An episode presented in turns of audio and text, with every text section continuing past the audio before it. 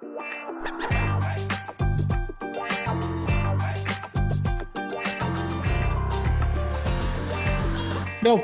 bij weer een uh, Anders Denken podcast. En mijn gast vandaag is uh, Annemarie van Gaal. Welkom Annemarie. Dankjewel. Superleuk dat je uh, hier wilt zijn in onze Anders Denken podcast. Nou, je mag je daar uiteraard zelf even voorstellen. We hebben je uitgenodigd om te praten over nou, wat is nu de impact van de inflatie, de financiële onzekerheid van de medewerker en wat impact heeft dat op de werkgever, waar liggen de verantwoordelijkheden. Dat zijn de onderwerpen waar ik graag met jou vandaag wat meer uh, het gesprek over wil aangaan. Mm -hmm. En ik wil graag jou de gelegenheid geven om jezelf even kort voor te stellen voor de mensen die jou niet kennen. Oké, okay. ja, Annemarie Vergaal. Ik ben uh, denk ik in hart en nieren uh, ondernemer. Ja. altijd geweest ook. Ik ben op mijn 25ste naar Rusland vertrokken. Heb daar uiteindelijk ja, de grootste uitgeverij, samen met mijn zakenpartner Dirk Sauer, de grootste uitgeverij in Rusland en in de Oekraïne opgericht kranten, publiekstijdschriften, vakbladen, vakbeurzen. Op ieder gebied waar we actief waren, waren we marktleider. Mhm. Ik ben in 2000 teruggekomen naar Nederland.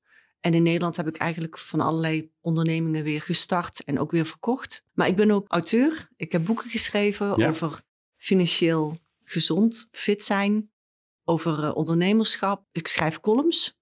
Ik ben zeven jaar opiniecolumnist in, eh, voor het Financieel Dagblad geweest. En de laatste zeven jaar opiniecolumnist voor de Telegraaf. Mhm.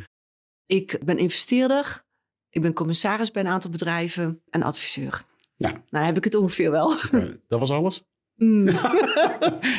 ja, ik eh, heb al een hoop eh, eh, inderdaad ja, aan informatie aan je opgezocht. We hebben elkaar vorige week even kort Mhm. gesproken in de voorbespreking. Echt mijn eigen interesse van wat voor type ondernemer ben je nu eigenlijk? En waar komt die gedrevenheid vandaan? ik denk dat alles wat ik wil doen, dat ik dat zo goed mogelijk wil doen. Dus Mhm. ja, en ik ben ook wel sociaal. Geld verdienen is leuk aan de ene Mhm. kant. Maar ik moet wel weten dat ik ook iets doe wat goed is voor de samenleving. Ja. Dus in Rusland, wat me echt dreef, Mhm. was het feit dat wij onafhankelijk nieuws brachten. Ja, want dat is per slotverrekening de basis voor ehm, een democratie. ja. En dit was in de negentiger jaren. Dus het land was eigenlijk een democratie aan het bouwen. Met Cosmopolitan en andere vrou- vrouwenbladen had ik ook echt het gevoel van... ik help eh, Russische vrouwen en Oekraïense vrouwen om te solliciteren... om voor zichzelf op te komen, om carrière te maken... om zelfbewust te worden... En daarnaast deden we heel veel projecten die gewoon goed waren voor de samenleving. Huis de Wij, zeg maar, de dakloze krant. Uh, en ik heb ook een boek gemaakt, zodat ouders hun gehandicapte kinderen thuis konden verzorgen. Uh, met allemaal tekeningetjes en hoe ze een gehandicapt kindje mo moesten aankleden zelf. Dus dat soort dingen deden we dan on the side. Maar dat klinkt dan dat je ook ergens een soort we- wereldverbeteraar bent. Het is een, ja, het is een beetje van al, allebei. Ja. Met, met weer, alleen wereldverbeteraar zijn kun je ook niet lang doorgaan, want je hebt ook geld nodig. Ja, ja. Deze podcast is bedoeld in eerste instantie voor de HR-professional. En ik hoop voornamelijk iedereen die het leuk vindt om te luisteren naar de onderwerpen die we bespreken. En we proberen actuele thema's te pakken, waarbij wij met jou dus veel praten over een stukje de financiële situatie van de, de, de werknemer en welke rol de werkgever uh, daarin heeft. Hoe vind jij dat we het hebben geregeld in Nederland? Als het gaat over, als je kijkt naar de huidige situatie, de inflatie, hoe, hoe doen we het in Nederland? Als ik het dan over de politiek heb en over mm. de manier waarop um, we het fiscaal uh, geregeld hebben, dan denk ik dat we het niet goed doen. Maar goed, het heeft niks te maken met goed werkgeverschap, uh, want je kunt er niks aan doen als uh, werkgever. Maar we hebben het land natuurlijk zo ingewikkeld gemaakt met allerlei toeslagen en regelingen en heffingen, waardoor het voor sommige mensen ja, geen nut heeft om uit een bijstandsuitkering te gaan of om meer uren te gaan werken, omdat je gewoon ja, in sommige situaties 80% van je uh, hogere inkomen gewoon wegbrengt. Ja. Vanwege al die communicerende ja. vaten en, en die um, ingewikkeldheid van die toeslagen. En ik vind dat daar had de overheid wel iets aan moeten doen eerder. Zodat ook echt, het, het ook echt iets oplevert, ieder gewerkt uur. Ja, en nu deze podcast valt onder de vlag van de Paradigma Groep. En Mhm. mm -hmm. uh, wij zijn een organisatie die zich bezighoudt met verzuim.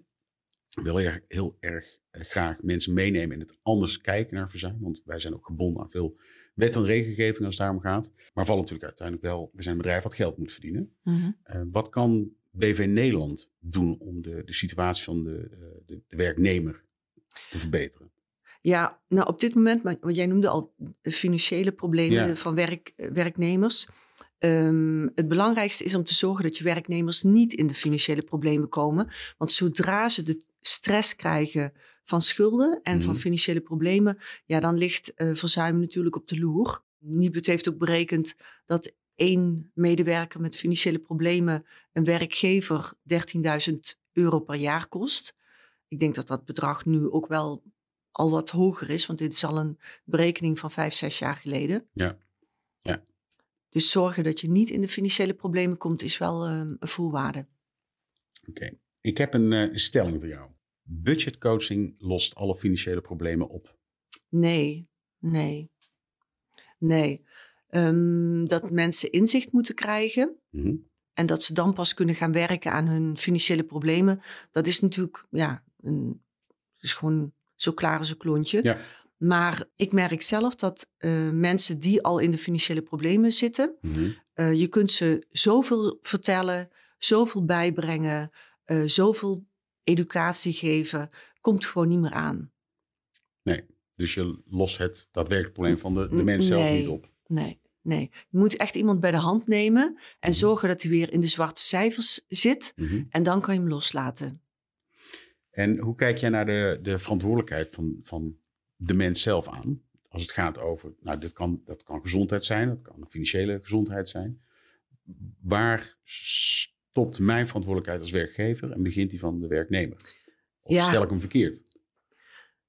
Ja, dat is eh, lastig om die grens te trekken. Hè? Ja. Want, nou, een voorbeeld. Ik was vorige week was ik bij een, een soort D-spa. Mhm. En de eigenaresse van die D-spa die was helemaal ten einde raad. Want van haar vijf werknemers zijn er op dit moment drie ziek thuis. Maar de ene omdat ze een scheiding, eh, in scheiding ligt. Ja. En die is dus al maanden thuis en blijft waarschijnlijk ook nog maanden thuis. Een ander had een ongeluk gekregen op de wintersport. En een ander was ook eh, voor iets van haar eigen reden eh, thuis. Dus zij zegt echt van, ja, ik, ik weet gewoon niet meer hoe ik het moet doen. Want ik, het is allemaal mijn schuld niet. Maar ik moet wel opdraaien voor alles, weet je. Ik ben wel degene eh, waarnaar gekeken wordt. En, en ook van, ja, van de, de regels van de overheid. Ik moet alles doen. Mhm. En ik heb er geen tijd voor. En ik moet bij allerlei verschillende instanties, op allerlei verschillende inlogmethodes. Ik ben al een uur aan het inloggen op die verschillende systemen. Alleen al om de gegevens eh, te kunnen eh, overdragen. Ja. En dan denk ik ook van, ja, weet je, som- we zadelen misschien MKB-ondernemers ook wel met te veel werk op. Op dit vlak. ja. Wat gaan we eraan doen? Ik weet niet of jij het ermee eens bent. Nou, ik, ehm, eh, ik denk wel dat, dat de, de, de rol van, nou, of dat nou de medewerkers of, of nou, de rol van de medewerker, dat de verantwoordelijkheid wel een beetje aan het shiften is. En eh, dat de werkgever in een aantal gevallen wel met de rug tegen de muur staat. Ja, Dus het is inderdaad een ingewikkelde kwestie om te zorgen van hoe zorg je nou dat, dat je gewoon het gesprek met elkaar aan kunt gaan. eh, over, over het onderwerp waar het om gaat. Of het nou verzuim is. eh, want eh, wat je zegt, als iemand in scheiding ligt, dan vind ik dat iemand de ruimte moet krijgen. Maar dan moet er wel van twee kanten worden meegedacht. Want het heeft niets met werk te maken. nee, nee. En je komt echt in de problemen als werkgever. Zeker Ja. als je een kleine groep hebt. Hè, met een grote groep kun je het nog wel opvangen. Maar hoe vang je het op? Ja, we hebben het ook kort in de voorspreking gehad over de, de politiek. En je noemde het net ook weer. Dat is natuurlijk best wel een groot log orgaan. Hoe kan je op korte termijn eh, omdenken, anders denken? Om te zorgen dat je dit soort onderwerpen wel op tafel krijgt. En dat je op een andere manier kunt kijken van hoe kunnen we het anders oplossen. Mhm. Jij als on- vanuit je rol als ondernemer. Dus Mhm. wat kan wel? Ja, ik zou sowieso kleine ondernemingen, die zou ik, eh, daar zou ik een andere set regels eh, voor, als ik het voor het zeggen had, Mhm. een andere set regels eh, voor bedenken. die niet zo zwaar zijn. Want ook een transitievergoeding is voor heel veel hele kleine ondernemers eigenlijk gewoon te zwaar om, om te kunnen dragen. Hè, een, een kapper die kan niet stoppen, omdat zijn hele spaargeld Ja. moet hij dan aan zijn drie werknemers geven. ja. Het is maar een voorbeeld, maar het, het hele systeem is gewoon bedoeld voor grotere ondernemers en niet voor MKB-ondernemers, voor kleinere MKB-ondernemers. Ja. Hoe denk je dat je ehm, de medewerker die afwachtend is kunt stimuleren? Dus eh, wat je, ik las ook iets over eh, hoe je kijkt naar de uitkering van het UWV. Dat Ja. het best wel lang doorgaat. Ehm, wat zou je daarin in, in kunnen veranderen? Wat zouden we daar Ja, kunnen doen? Je bedoelt de werkloosheidsuitkering. Werkloosheidsuitkering, inderdaad. Maar dat geldt ook, ook als je kijkt naar onze business, is dat, is, is dat de persoon die thuis zit, inderdaad. Nou begrijp ik best wel dat we, we, we moeten zorgen hè, voor mensen Ja. die eh, niet meteen aan een baan komen of eh, op een andere manier.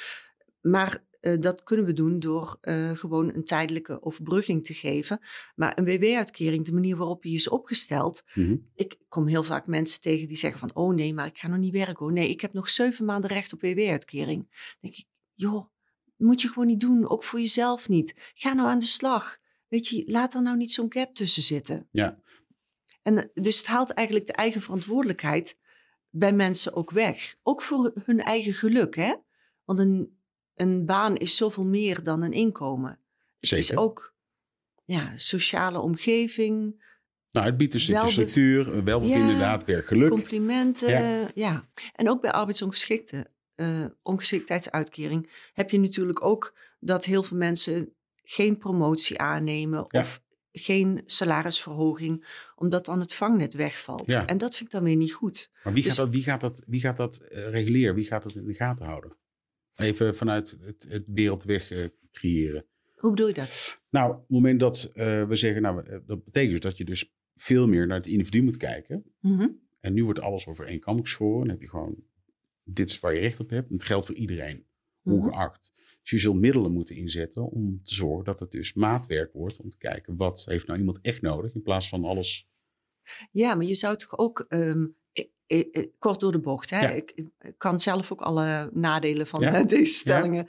Maar je zou ook bijvoorbeeld kunnen zeggen van, nou, er zijn, ehm, ik noem maar wat, drie soorten eh, mensen met eh, een beperking. Mhm. Dat betekent dat ze drie soorten basisinkomen krijgen. Hè? eh, ik noem maar wat, 1000, 1500 en 1800 euro Mhm. per maand. Mhm. En als ze zelf bij willen verdienen, dan mag dat. Maar wij als overheid vinden dat ze een, een hoger, eh, hogere start krijgen. Begrijp je wat ik bedoel? Ja, ik snap wat je bedoelt. Dus, dus dat op, op zich moet je iemand een, een, eh, een voorsprong gunnen. Vind je eigenlijk ook wel als een wereldverbeteraar klinken? Nou, dat heb je ook gezegd, dat is hartstikke leuk. Maar er moet ook geld verdiend worden. Mhm. Vind je dat we innoverend genoeg zijn in Nederland? Nee, nee, zeker niet. Nee, want innoveren is ook problemen eh, lostrekken, in kleine blokjes opdelen, een andere oplossing ervoor verzinnen en kijken of het past. Ja. En dat doen we niet. Probleemoplossend vermogen van de overheid is niet heel groot. En wat vind je van eh, BV Nederland? Hoe probleemoplossend of hoe innoverend is En dan bedoel je gewoon de werkgevers, de werkgevers? gezamenlijk. Ja? Ja, die, die zijn veel probleemoplossender. En wat, Zeker, maar dat, dat is een verschil van dag en nacht. Dat zijn echt twee verschillende houtsoorten. Ja. De, de overheid en BV Nederland. En wat zou ehm, de ondernemer, en welke boodschap moet de ondernemer meer richting de politiek eh, zenden? Ja, hadden, hadden ze maar meer mogelijkheden om boodschappen te zenden. Ik heb het idee dat de overheid eigenlijk te weinig luistert Mhm. naar ondernemers. Want ook iedere commissie die iets moet onderzoeken of iets moet adviseren, er zitten nooit ondernemers bij. Het zijn altijd ex-politici of eh, hoge ambtenaren. Eh, en dat is gewoon jammer. Ja. En eh, ondernemers, maar ja, dat is logisch. Ze hebben natuurlijk weinig tijd, ze zijn druk met andere dingen. Hebben ook weinig stem in Den Haag. Ja. Want als je de Tweede Kamer analyseert, daar zitten natuurlijk geen ex-ondernemers. Misschien één of twee. En een paar mensen die eenpitter waren. Ja, maar ik heb gehoord dat jij daar in ieder geval niet je ambitie hebt liggen. Nee, ik ben bang dat je ook als, als eenling ook heel weinig... Maar ja, goed, als iedereen dat denkt, dan eh, is dat ook jammer. Nou ja, goed, je probeert in ieder geval door middel van je columns en je uitingen eh, in podcasts en, en, en, en tv ehm, ehm, wel je, je mening te delen. Mhm. Ehm, wat maakt jou wel innoverend? Mm, ik denk dat ik wel eh, bij alles. Nou, misschien moet ik het zo zeggen. In de tijd dat ik in Rusland woonde, heb ik één ding geleerd. Mhm. En dat is dat er voor alles een oplossing is. Hoe gek de wet ook is, ehm, hoe ehm, star de regel ook lijkt, er is altijd een oplossing. Maar dat is jouw basishouding ook. Ja, Ja. dus het maakt ook niet uit op welk onderdeel dat van je leven. Het is overal van toepassing. ja. En wat als ik anders in de wedstrijd zit, hoe neem je mij mee?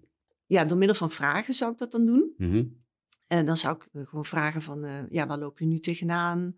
En uh, heb je wel eens gedacht uh, om die bocht naar links te nemen? Heb je wel eens gedacht om eroverheen te kruipen?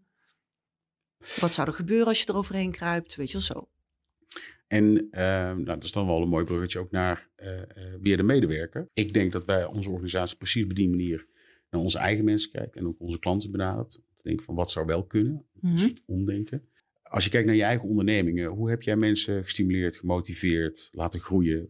Wat zijn daar succesfactoren in? Mm, ik denk wel dat ik ze ook heb laten, uh, de ruimte heb gegeven om te kijken of hun talent misschien ergens anders lag. Mm -hmm. En dus ik heb wel eens een keertje een sales manager uh, ook de ruimte gegeven om uh, te kijken of ze misschien een reportage kon schrijven. Mm -hmm. Uh, en dan laten beoordelen door uh, weer anderen. Gewoon om te kijken van ja, ga maar even op zoek naar je eigen talent binnen het bedrijf. Uh, en dat kost dan wat tijd. Hè? Zeker als het uiteindelijk ook niet haar talent blijkt.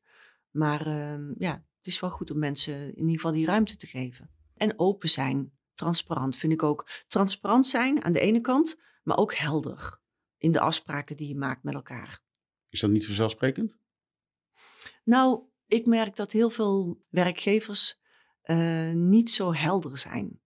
En licht eens toe, wat bedoel je daarmee? Ja, ik wil niet dat je je telefoon meeneemt naar een vergadering. Want je, hè, je zit erop te kijken, je raakt afgeleid. Ik wil gewoon dat je je telefoon op je bureau laat liggen en wij vergaderen zonder dat iemand zijn telefoon bij zich Mhm. heeft. Punt. Dat is een afspraak. Ja. Daar moet je helder over zijn. En heel veel werkgevers die denken van ja, je, als ik dat soort dingen nou ga verbieden, dan. eh, Maar ja, ondertussen heb je gewoon de helft van de vergadering die eh, bij een vervelend onderwerp eh, op zijn telefoon. Ja. En of, of we gebruiken de computer niet voor privé dingen. En al helemaal niet voor onderlinge spelletjes. vinden we mensen dat lastig, die helderheid, die transparantie, zoals je het omschrijft? Ja, in het begin natuurlijk wel. Of ze vinden het niet reëel of niet nodig. Maar ja, je kan wel duidelijk zijn. En dat zou je dus ook doen, dat doe je dus ook richting de medewerkers die je altijd hebt gehad. Ja. Duidelijke afspraken. Eh, Ik, kom, ik ben bij jou in dienst, ik, kom, ik zeg wat Annemarie, ik zit wat krap, kan ik mijn salaris wat eerder eh, krijgen. En ik kom vervolgens wel eh, met een nieuwe auto aanrijden. Mhm. Ja, dan zou ik je echt even bij me roepen. En, Goh, ik zie dat je een nieuwe auto hebt. Hoe heb je dat betaald? Dat zou je die rechtstreeks aan Ja. mij vragen. Ja. Wat vind je ervan? Wat vind je ervan dat Ja. je die betaald hebt? Ja, ja. maar ik denk dat wij, niet zozeer wij, maar dat, dat de mensen aan zich. Ik wil de ander altijd graag helpen. Ik zal het Mhm. even heel bij mezelf houden. Dat geldt denk ik voor veel van mijn collega's ook. Ik wil de ander graag helpen. En we zien dan ook vaak een oplossing, waardoor het probleem, hetzelfde als die vragen voor budgetcoaching, Mhm. lost het probleem niet meer op. Mhm. Iets in mij blijft dat ik nog steeds die oplossing wil bieden, maar ik wil dat die ander in beweging komt. Hoe neem ik die ander nou meer mee? Zodat die ander in beweging komt. En dat, eh, het komt erop neer dat ik moet eigenlijk achterover kunnen hangen. En die ander moet Mhm. eh, iets gaan veranderen in zijn gedrag Mhm. eh, in zijn manier van denken. Ben je daar goed in als ondernemer? Ja, ehm, soms helpt het ook om systemen te bedenken, waardoor je een soort de ander ook vanzelf laat meedenken. Mhm. Dus, dus als je zegt van jongens, we besteden gewoon te veel aan eh, de leaseauto's of zo. Ik wil dat gewoon, hè, ook in het kader van eh, beter milieu, ik wil het gewoon terugbrengen naar, ik noem maar wat, eh 8000 euro per, per maand. Mhm. Bedenk even hoe we dat gaan doen. Ja, dus je deelt, Ja, je deelt de, de, de probleemstelling. Ja, en ik laat hen dan komen met een oplossing. Dus dan komen ze ook met een oplossing van, ja, we, we hebben bedacht, een deelscooter kunnen we allemaal gebruiken. De meeste afspraken zijn gewoon in de stad. En dan doen we dit, met, weet je wel zo. Ja. Nu vertelde je mij, eh, eh, je hebt 24.000 verschillende rollen en functies. En nou, je doet het allemaal gewoon. Nou, je geeft ook aan, werk geeft jou plezier. Dus dat- Mhm. je kijkt niet zozeer of dat past in 40 of 80. Je moet lol aan beleven. Ik weet ook dat je je werk-privébalans beter eh, op orde hebt. en dat je daar wat, wat, wat meer snang in bent. Wat ik heel leuk vond om te horen is dat jij bent bestuurder bij de Start Foundation. Ja, En daar werd ik echt heel erg enthousiast van, omdat je echt ja, totaal anders denkt als het gaat over eh, wat niet kan, maar dat je altijd redeneert van wat kan wel. mhm. Kan je wat voorbeelden geven in waar jullie in investeren? ja, en het maakt me ook heel erg trots. We hebben ook open hiring eh, geïntroduceerd in Nederland. Mhm. En daar ben je vast mee bekend. Ja, En wij ehm, hebben inmiddels, nou, een 110, 120 bedrijven in Nederland die ook volgens het principe van open hiring uh, nieuwe medewerkers aantrekken. En waar zit, waar zit even over dat open hiring, waar zitten de, de plus en waar zitten de minnen? Ja, open hiring is dat je eh, kort gezegd je naam op een lijst zet. Um, en de zodra er een vacature is, wordt de eerste op de lijst gebeld. En die krijgt gewoon de baan. Ongeacht geen sollicitatiegesprek, geen referentiecheck. Je hoeft niet langs te komen. Uh, maakt niet uit. Je kunt ex-dakloos zijn of ex-junk of uh, net uit de gevang gevangenis komen. Als jij de baan wil, krijg jij de baan. En het goede is dat we dan niet meer kijken naar labels. Mm -hmm. Oh, zie jij eruit? Uh, ja, Sis, je ziet er wel uit. Ik denk wel dat jij die baan als ja. accountmanager kunt. Ja. Terwijl ik dat niet weet. Want jouw talent kan ik niet zien aan je uiterlijk. Nee. Het feit dat we niet meer naar uiterlijk gaan kijken... en dat we op deze manier mensen wel op commitment um, aannemen... vind ik uh, zelf een hele mooie verandering. Maar dan geldt transparantie en helderheid is dan wel een vereiste om ook te toetsen of iemand daadwerkelijk ook een bepaald talent heeft om die rol uit te vullen. Ja, en in Nederland gebeurt het nog vaak bij productiemaatschappijen, fabrieken, hè, ja. waar je natuurlijk niet een specifiek, ja, ik zeg het nu een beetje denigrerend, maar niet een specifiek talent voor nodig hebt. Maar het leuke is, uh, als ik een ondernemer spreek die via open hiring uh, mensen aanneemt, dan altijd, dan zegt hij tegen mij van, oh, zie je dat meisje daar? Uh, hè, kijk eens, want een meisje met blauw haar en tattoos in haar gezicht. Mijn beste medewerker. Ik ben zo blij dat... Ik had er nooit aangenomen, maar ze is zo fantastisch. Dan denk ik, ja, ben ik toch... Maakt me echt heel gelukkig. Ja. En we hebben uh, bijvoorbeeld Current Werkt. Mm -hmm. uh, dat is om uh, twee onderdelen, Current Start en Current Werkt. Current Start is de ex-gedetineerden. die worden drie maanden lang begeleid om naar een betaalde baan te gaan. En Current Werkt is een uitzendbureau om ex-gedetineerden aan het werk te krijgen bij bedrijven. Of heilige boontjes, naam zegt het al, ook ex-gedetineerden. uh, maar uh, er is geen plek uh, waar je beter je tas kunt laten liggen dan daar. Ja. En dat is een koffiebranderij en koffiehuizen. Ik ben nu zelf bezig met het opzetten van een headhuntersbureau met blinde headhunters.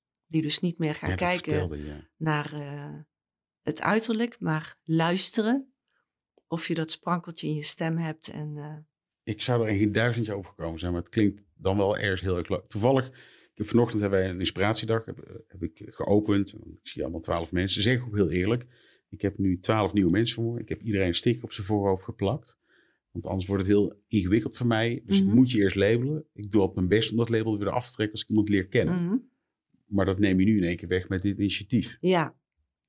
Vind je dat BV Nederland genoeg risico neemt op dit soort initiatieven? Nee, en ik denk, en dat is jammer. Want ik denk dat er juist heel veel kansen uh, liggen. Kijken naar een bepaalde beroepsgroep waar we normaal niet naar kijken. Dus bijvoorbeeld dit uh, bureau van die blinde headhunters, Equal Re Recruiting heet dat trouwens. Uh, maar bijvoorbeeld ook Um, we hebben dan een taxibedrijf in um, Brabant met alleen maar uh, oudere taxichauffeurs, 55-plussers. Ik zei ook, noem het nou taxi 55, dan weten mensen dat ze iemand van ouder dan 55 hebben. Want als je dan gewoon een rustig gesprek wil voeren met de taxichauffeur, bel je dat taxibedrijf. Dus in plaats van dat je denkt van, oh mijn god, uh, alleen maar oudere taxichauffeurs en hoe gaan we dat doen? Nee, het is juist een pre. Ja. Toch? Ja, ja, nee, ja, Ik zou er een landelijk taxi... Bij handen jeuken gewoon. ja, maar dan ben jij ondernemer. ja, dat is waar. Leuk. Um, nee, maar zo kun je van een, iets wat eigenlijk negatief gezien wordt, iets positiefs maken. Vind je het leuk mensen, mensen aansturen? Ja, ja, heel leuk. Ja. Wat maakt het leuk? Als ik uh, heel veel vertrouwen in iemand heb, ja. Uh, dan uh, sowieso heb ik natuurlijk altijd vertrouwen in iemand als ik begin. Uh, dan merk ik ook dat dat iets met iemand doet. Ik had een keer een, een vrouw, oudere vrouw aangenomen die heel goed was. Supergoed in, in verkoop. Mhm. Mm -hmm. En zij wilde graag dat haar zoon ook kwam werken. Uh, en zei ze van ja, ik ga hem dan wel opleiden, ook in de verkoop. Maar die zoon was natuurlijk totaal niet goed. Maar uh, toen dacht ik, weet je wat, ik ga hem even omdraaien. Ik um, ga uh, zoveel vertrouwen aan die zoon geven. Want die heeft degene van zijn moeder, die moet goed zijn in verkoop. Dus ik ben echt gewoon gaan sturen en telepathisch gaan... Ja, het klinkt heel wollig nu. Nee. Maar ik, ik geloof daar echt in. Je hebt ook die verhalen toch van een ehm, juffrouw van een klas, onderwijzeres, die dan aan het begin van het jaar wordt er tegen haar gezegd van... Jantje en Pietje, hè, daar moet je even goed op letten. Het zijn wonderkinderen. Hè. Die zijn zo fantastisch. En dan blijkt aan het eind van het jaar ook dat die twee heel veel beter hebben gescoord dan de anderen. Hè? Mhm. Dus ik geloof er wel in dat je als werkgever eh, ook iets kunt overdragen en iemand beter kan maken. Dat is inderdaad best wel een holistische eh, zienswijze. Heel, heel erg mooi. Mhm. Het komt er voor mij neer dat je dus echt vanuit het vertrouwen moet starten. Mhm. En dat je dus heel erg moet investeren in dat iemand vertrouwen krijgt in zichzelf. Ja, ik vertrouw ook iemand tot het tegendeel bewezen is. Mhm. Is het vaak het tegendeel bewezen? Ja? Ja, En toch iedere keer start je vanuit vertrouwen. ja, Wat maakt dan dat, er- is dat soort, toch de wereld verbeteren in jou, dat je altijd weer start vanuit vertrouwen? nee, maar ja, je wil door, hè? je wil groeien. Dus je zult wel moeten, Ja, eens. geen keus. Ja. Ik eh, ga richting een afronding, eh Annemarie. En wat wij eh, graag willen, de gouden tip als het gaat over het vergroten van de financiële zekerheid voor de medewerker. Dus hoe kan je als organisatie nu op een constructieve wijze de me- je medewerkers wat meer body geven, zonder de- het op te lossen? Ja, nee, want het, het oplossen voor de medewerker, eh, dat zou ik altijd afraden. Omdat je de verantwoordelijkheid daar moet leggen Ja, bij degene die ook in de toekomst ook de oplossingen moet zoeken. Dus je, je, je helpt iemand er niet mee. nee. Maar eh, ik zou willen dat de overheid iets flexibeler zou zijn met bijvoorbeeld, ja, dat je bijvoorbeeld, ik noem maar wat, vier uur per week extra kunt werken, wat dan onbelast is en wat dan richting de eh, facturen zou kunnen gaan. Dat zou ik installeren als ik eh, overheid was. Mhm. Of ja, dat je een project op kan zetten waarbij je dan gewoon ja, met gesloten beurs, zeg maar, geef mij jouw eh, rekening en jij geeft mij uren werk. Ja. En zo verdelen we het. Ja, dat is het voorbeeld wat je noemde met, met de woonbouwcorporaties. Ja, voor de woningbouwcoöperatie, als je een huurachterstand hebt, eh, ga jij even de graffiti van de muren spuiten. eh, en dan betalen wij jou ehm één maand huurachterstand. In plaats van iemand uit huis zetten wat de problemen alleen maar. Oh, verschrikkelijk. Ja, dat moet in, in een land als Nederland niet, dat moet niet kunnen. Ja. Dat is echt afschuwelijk. Ja, misschien moet je toch voor het ministerie van Eenvoud gaan eh, Ja. dan Ja, in de toekomst. nou daar hou ik me echt voor aanbevolen. Hey, ehm, ja, ik zou nog heel graag met je door willen praten, eh, oprecht. Eh, Maar voor de, de duur van deze Mhm. podcast eh, wil ik die graag bij afronden. Ik wil je heel erg hartelijk bedanken. Eh, en de luisteraar eh, voor het luisteren naar deze podcast. En hopelijk eh, dat we elkaar nog een ander tijdstip eh, weer gaan spreken. Zou ik heel leuk vinden. En dan voor nu eh, bedankt. Dankjewel.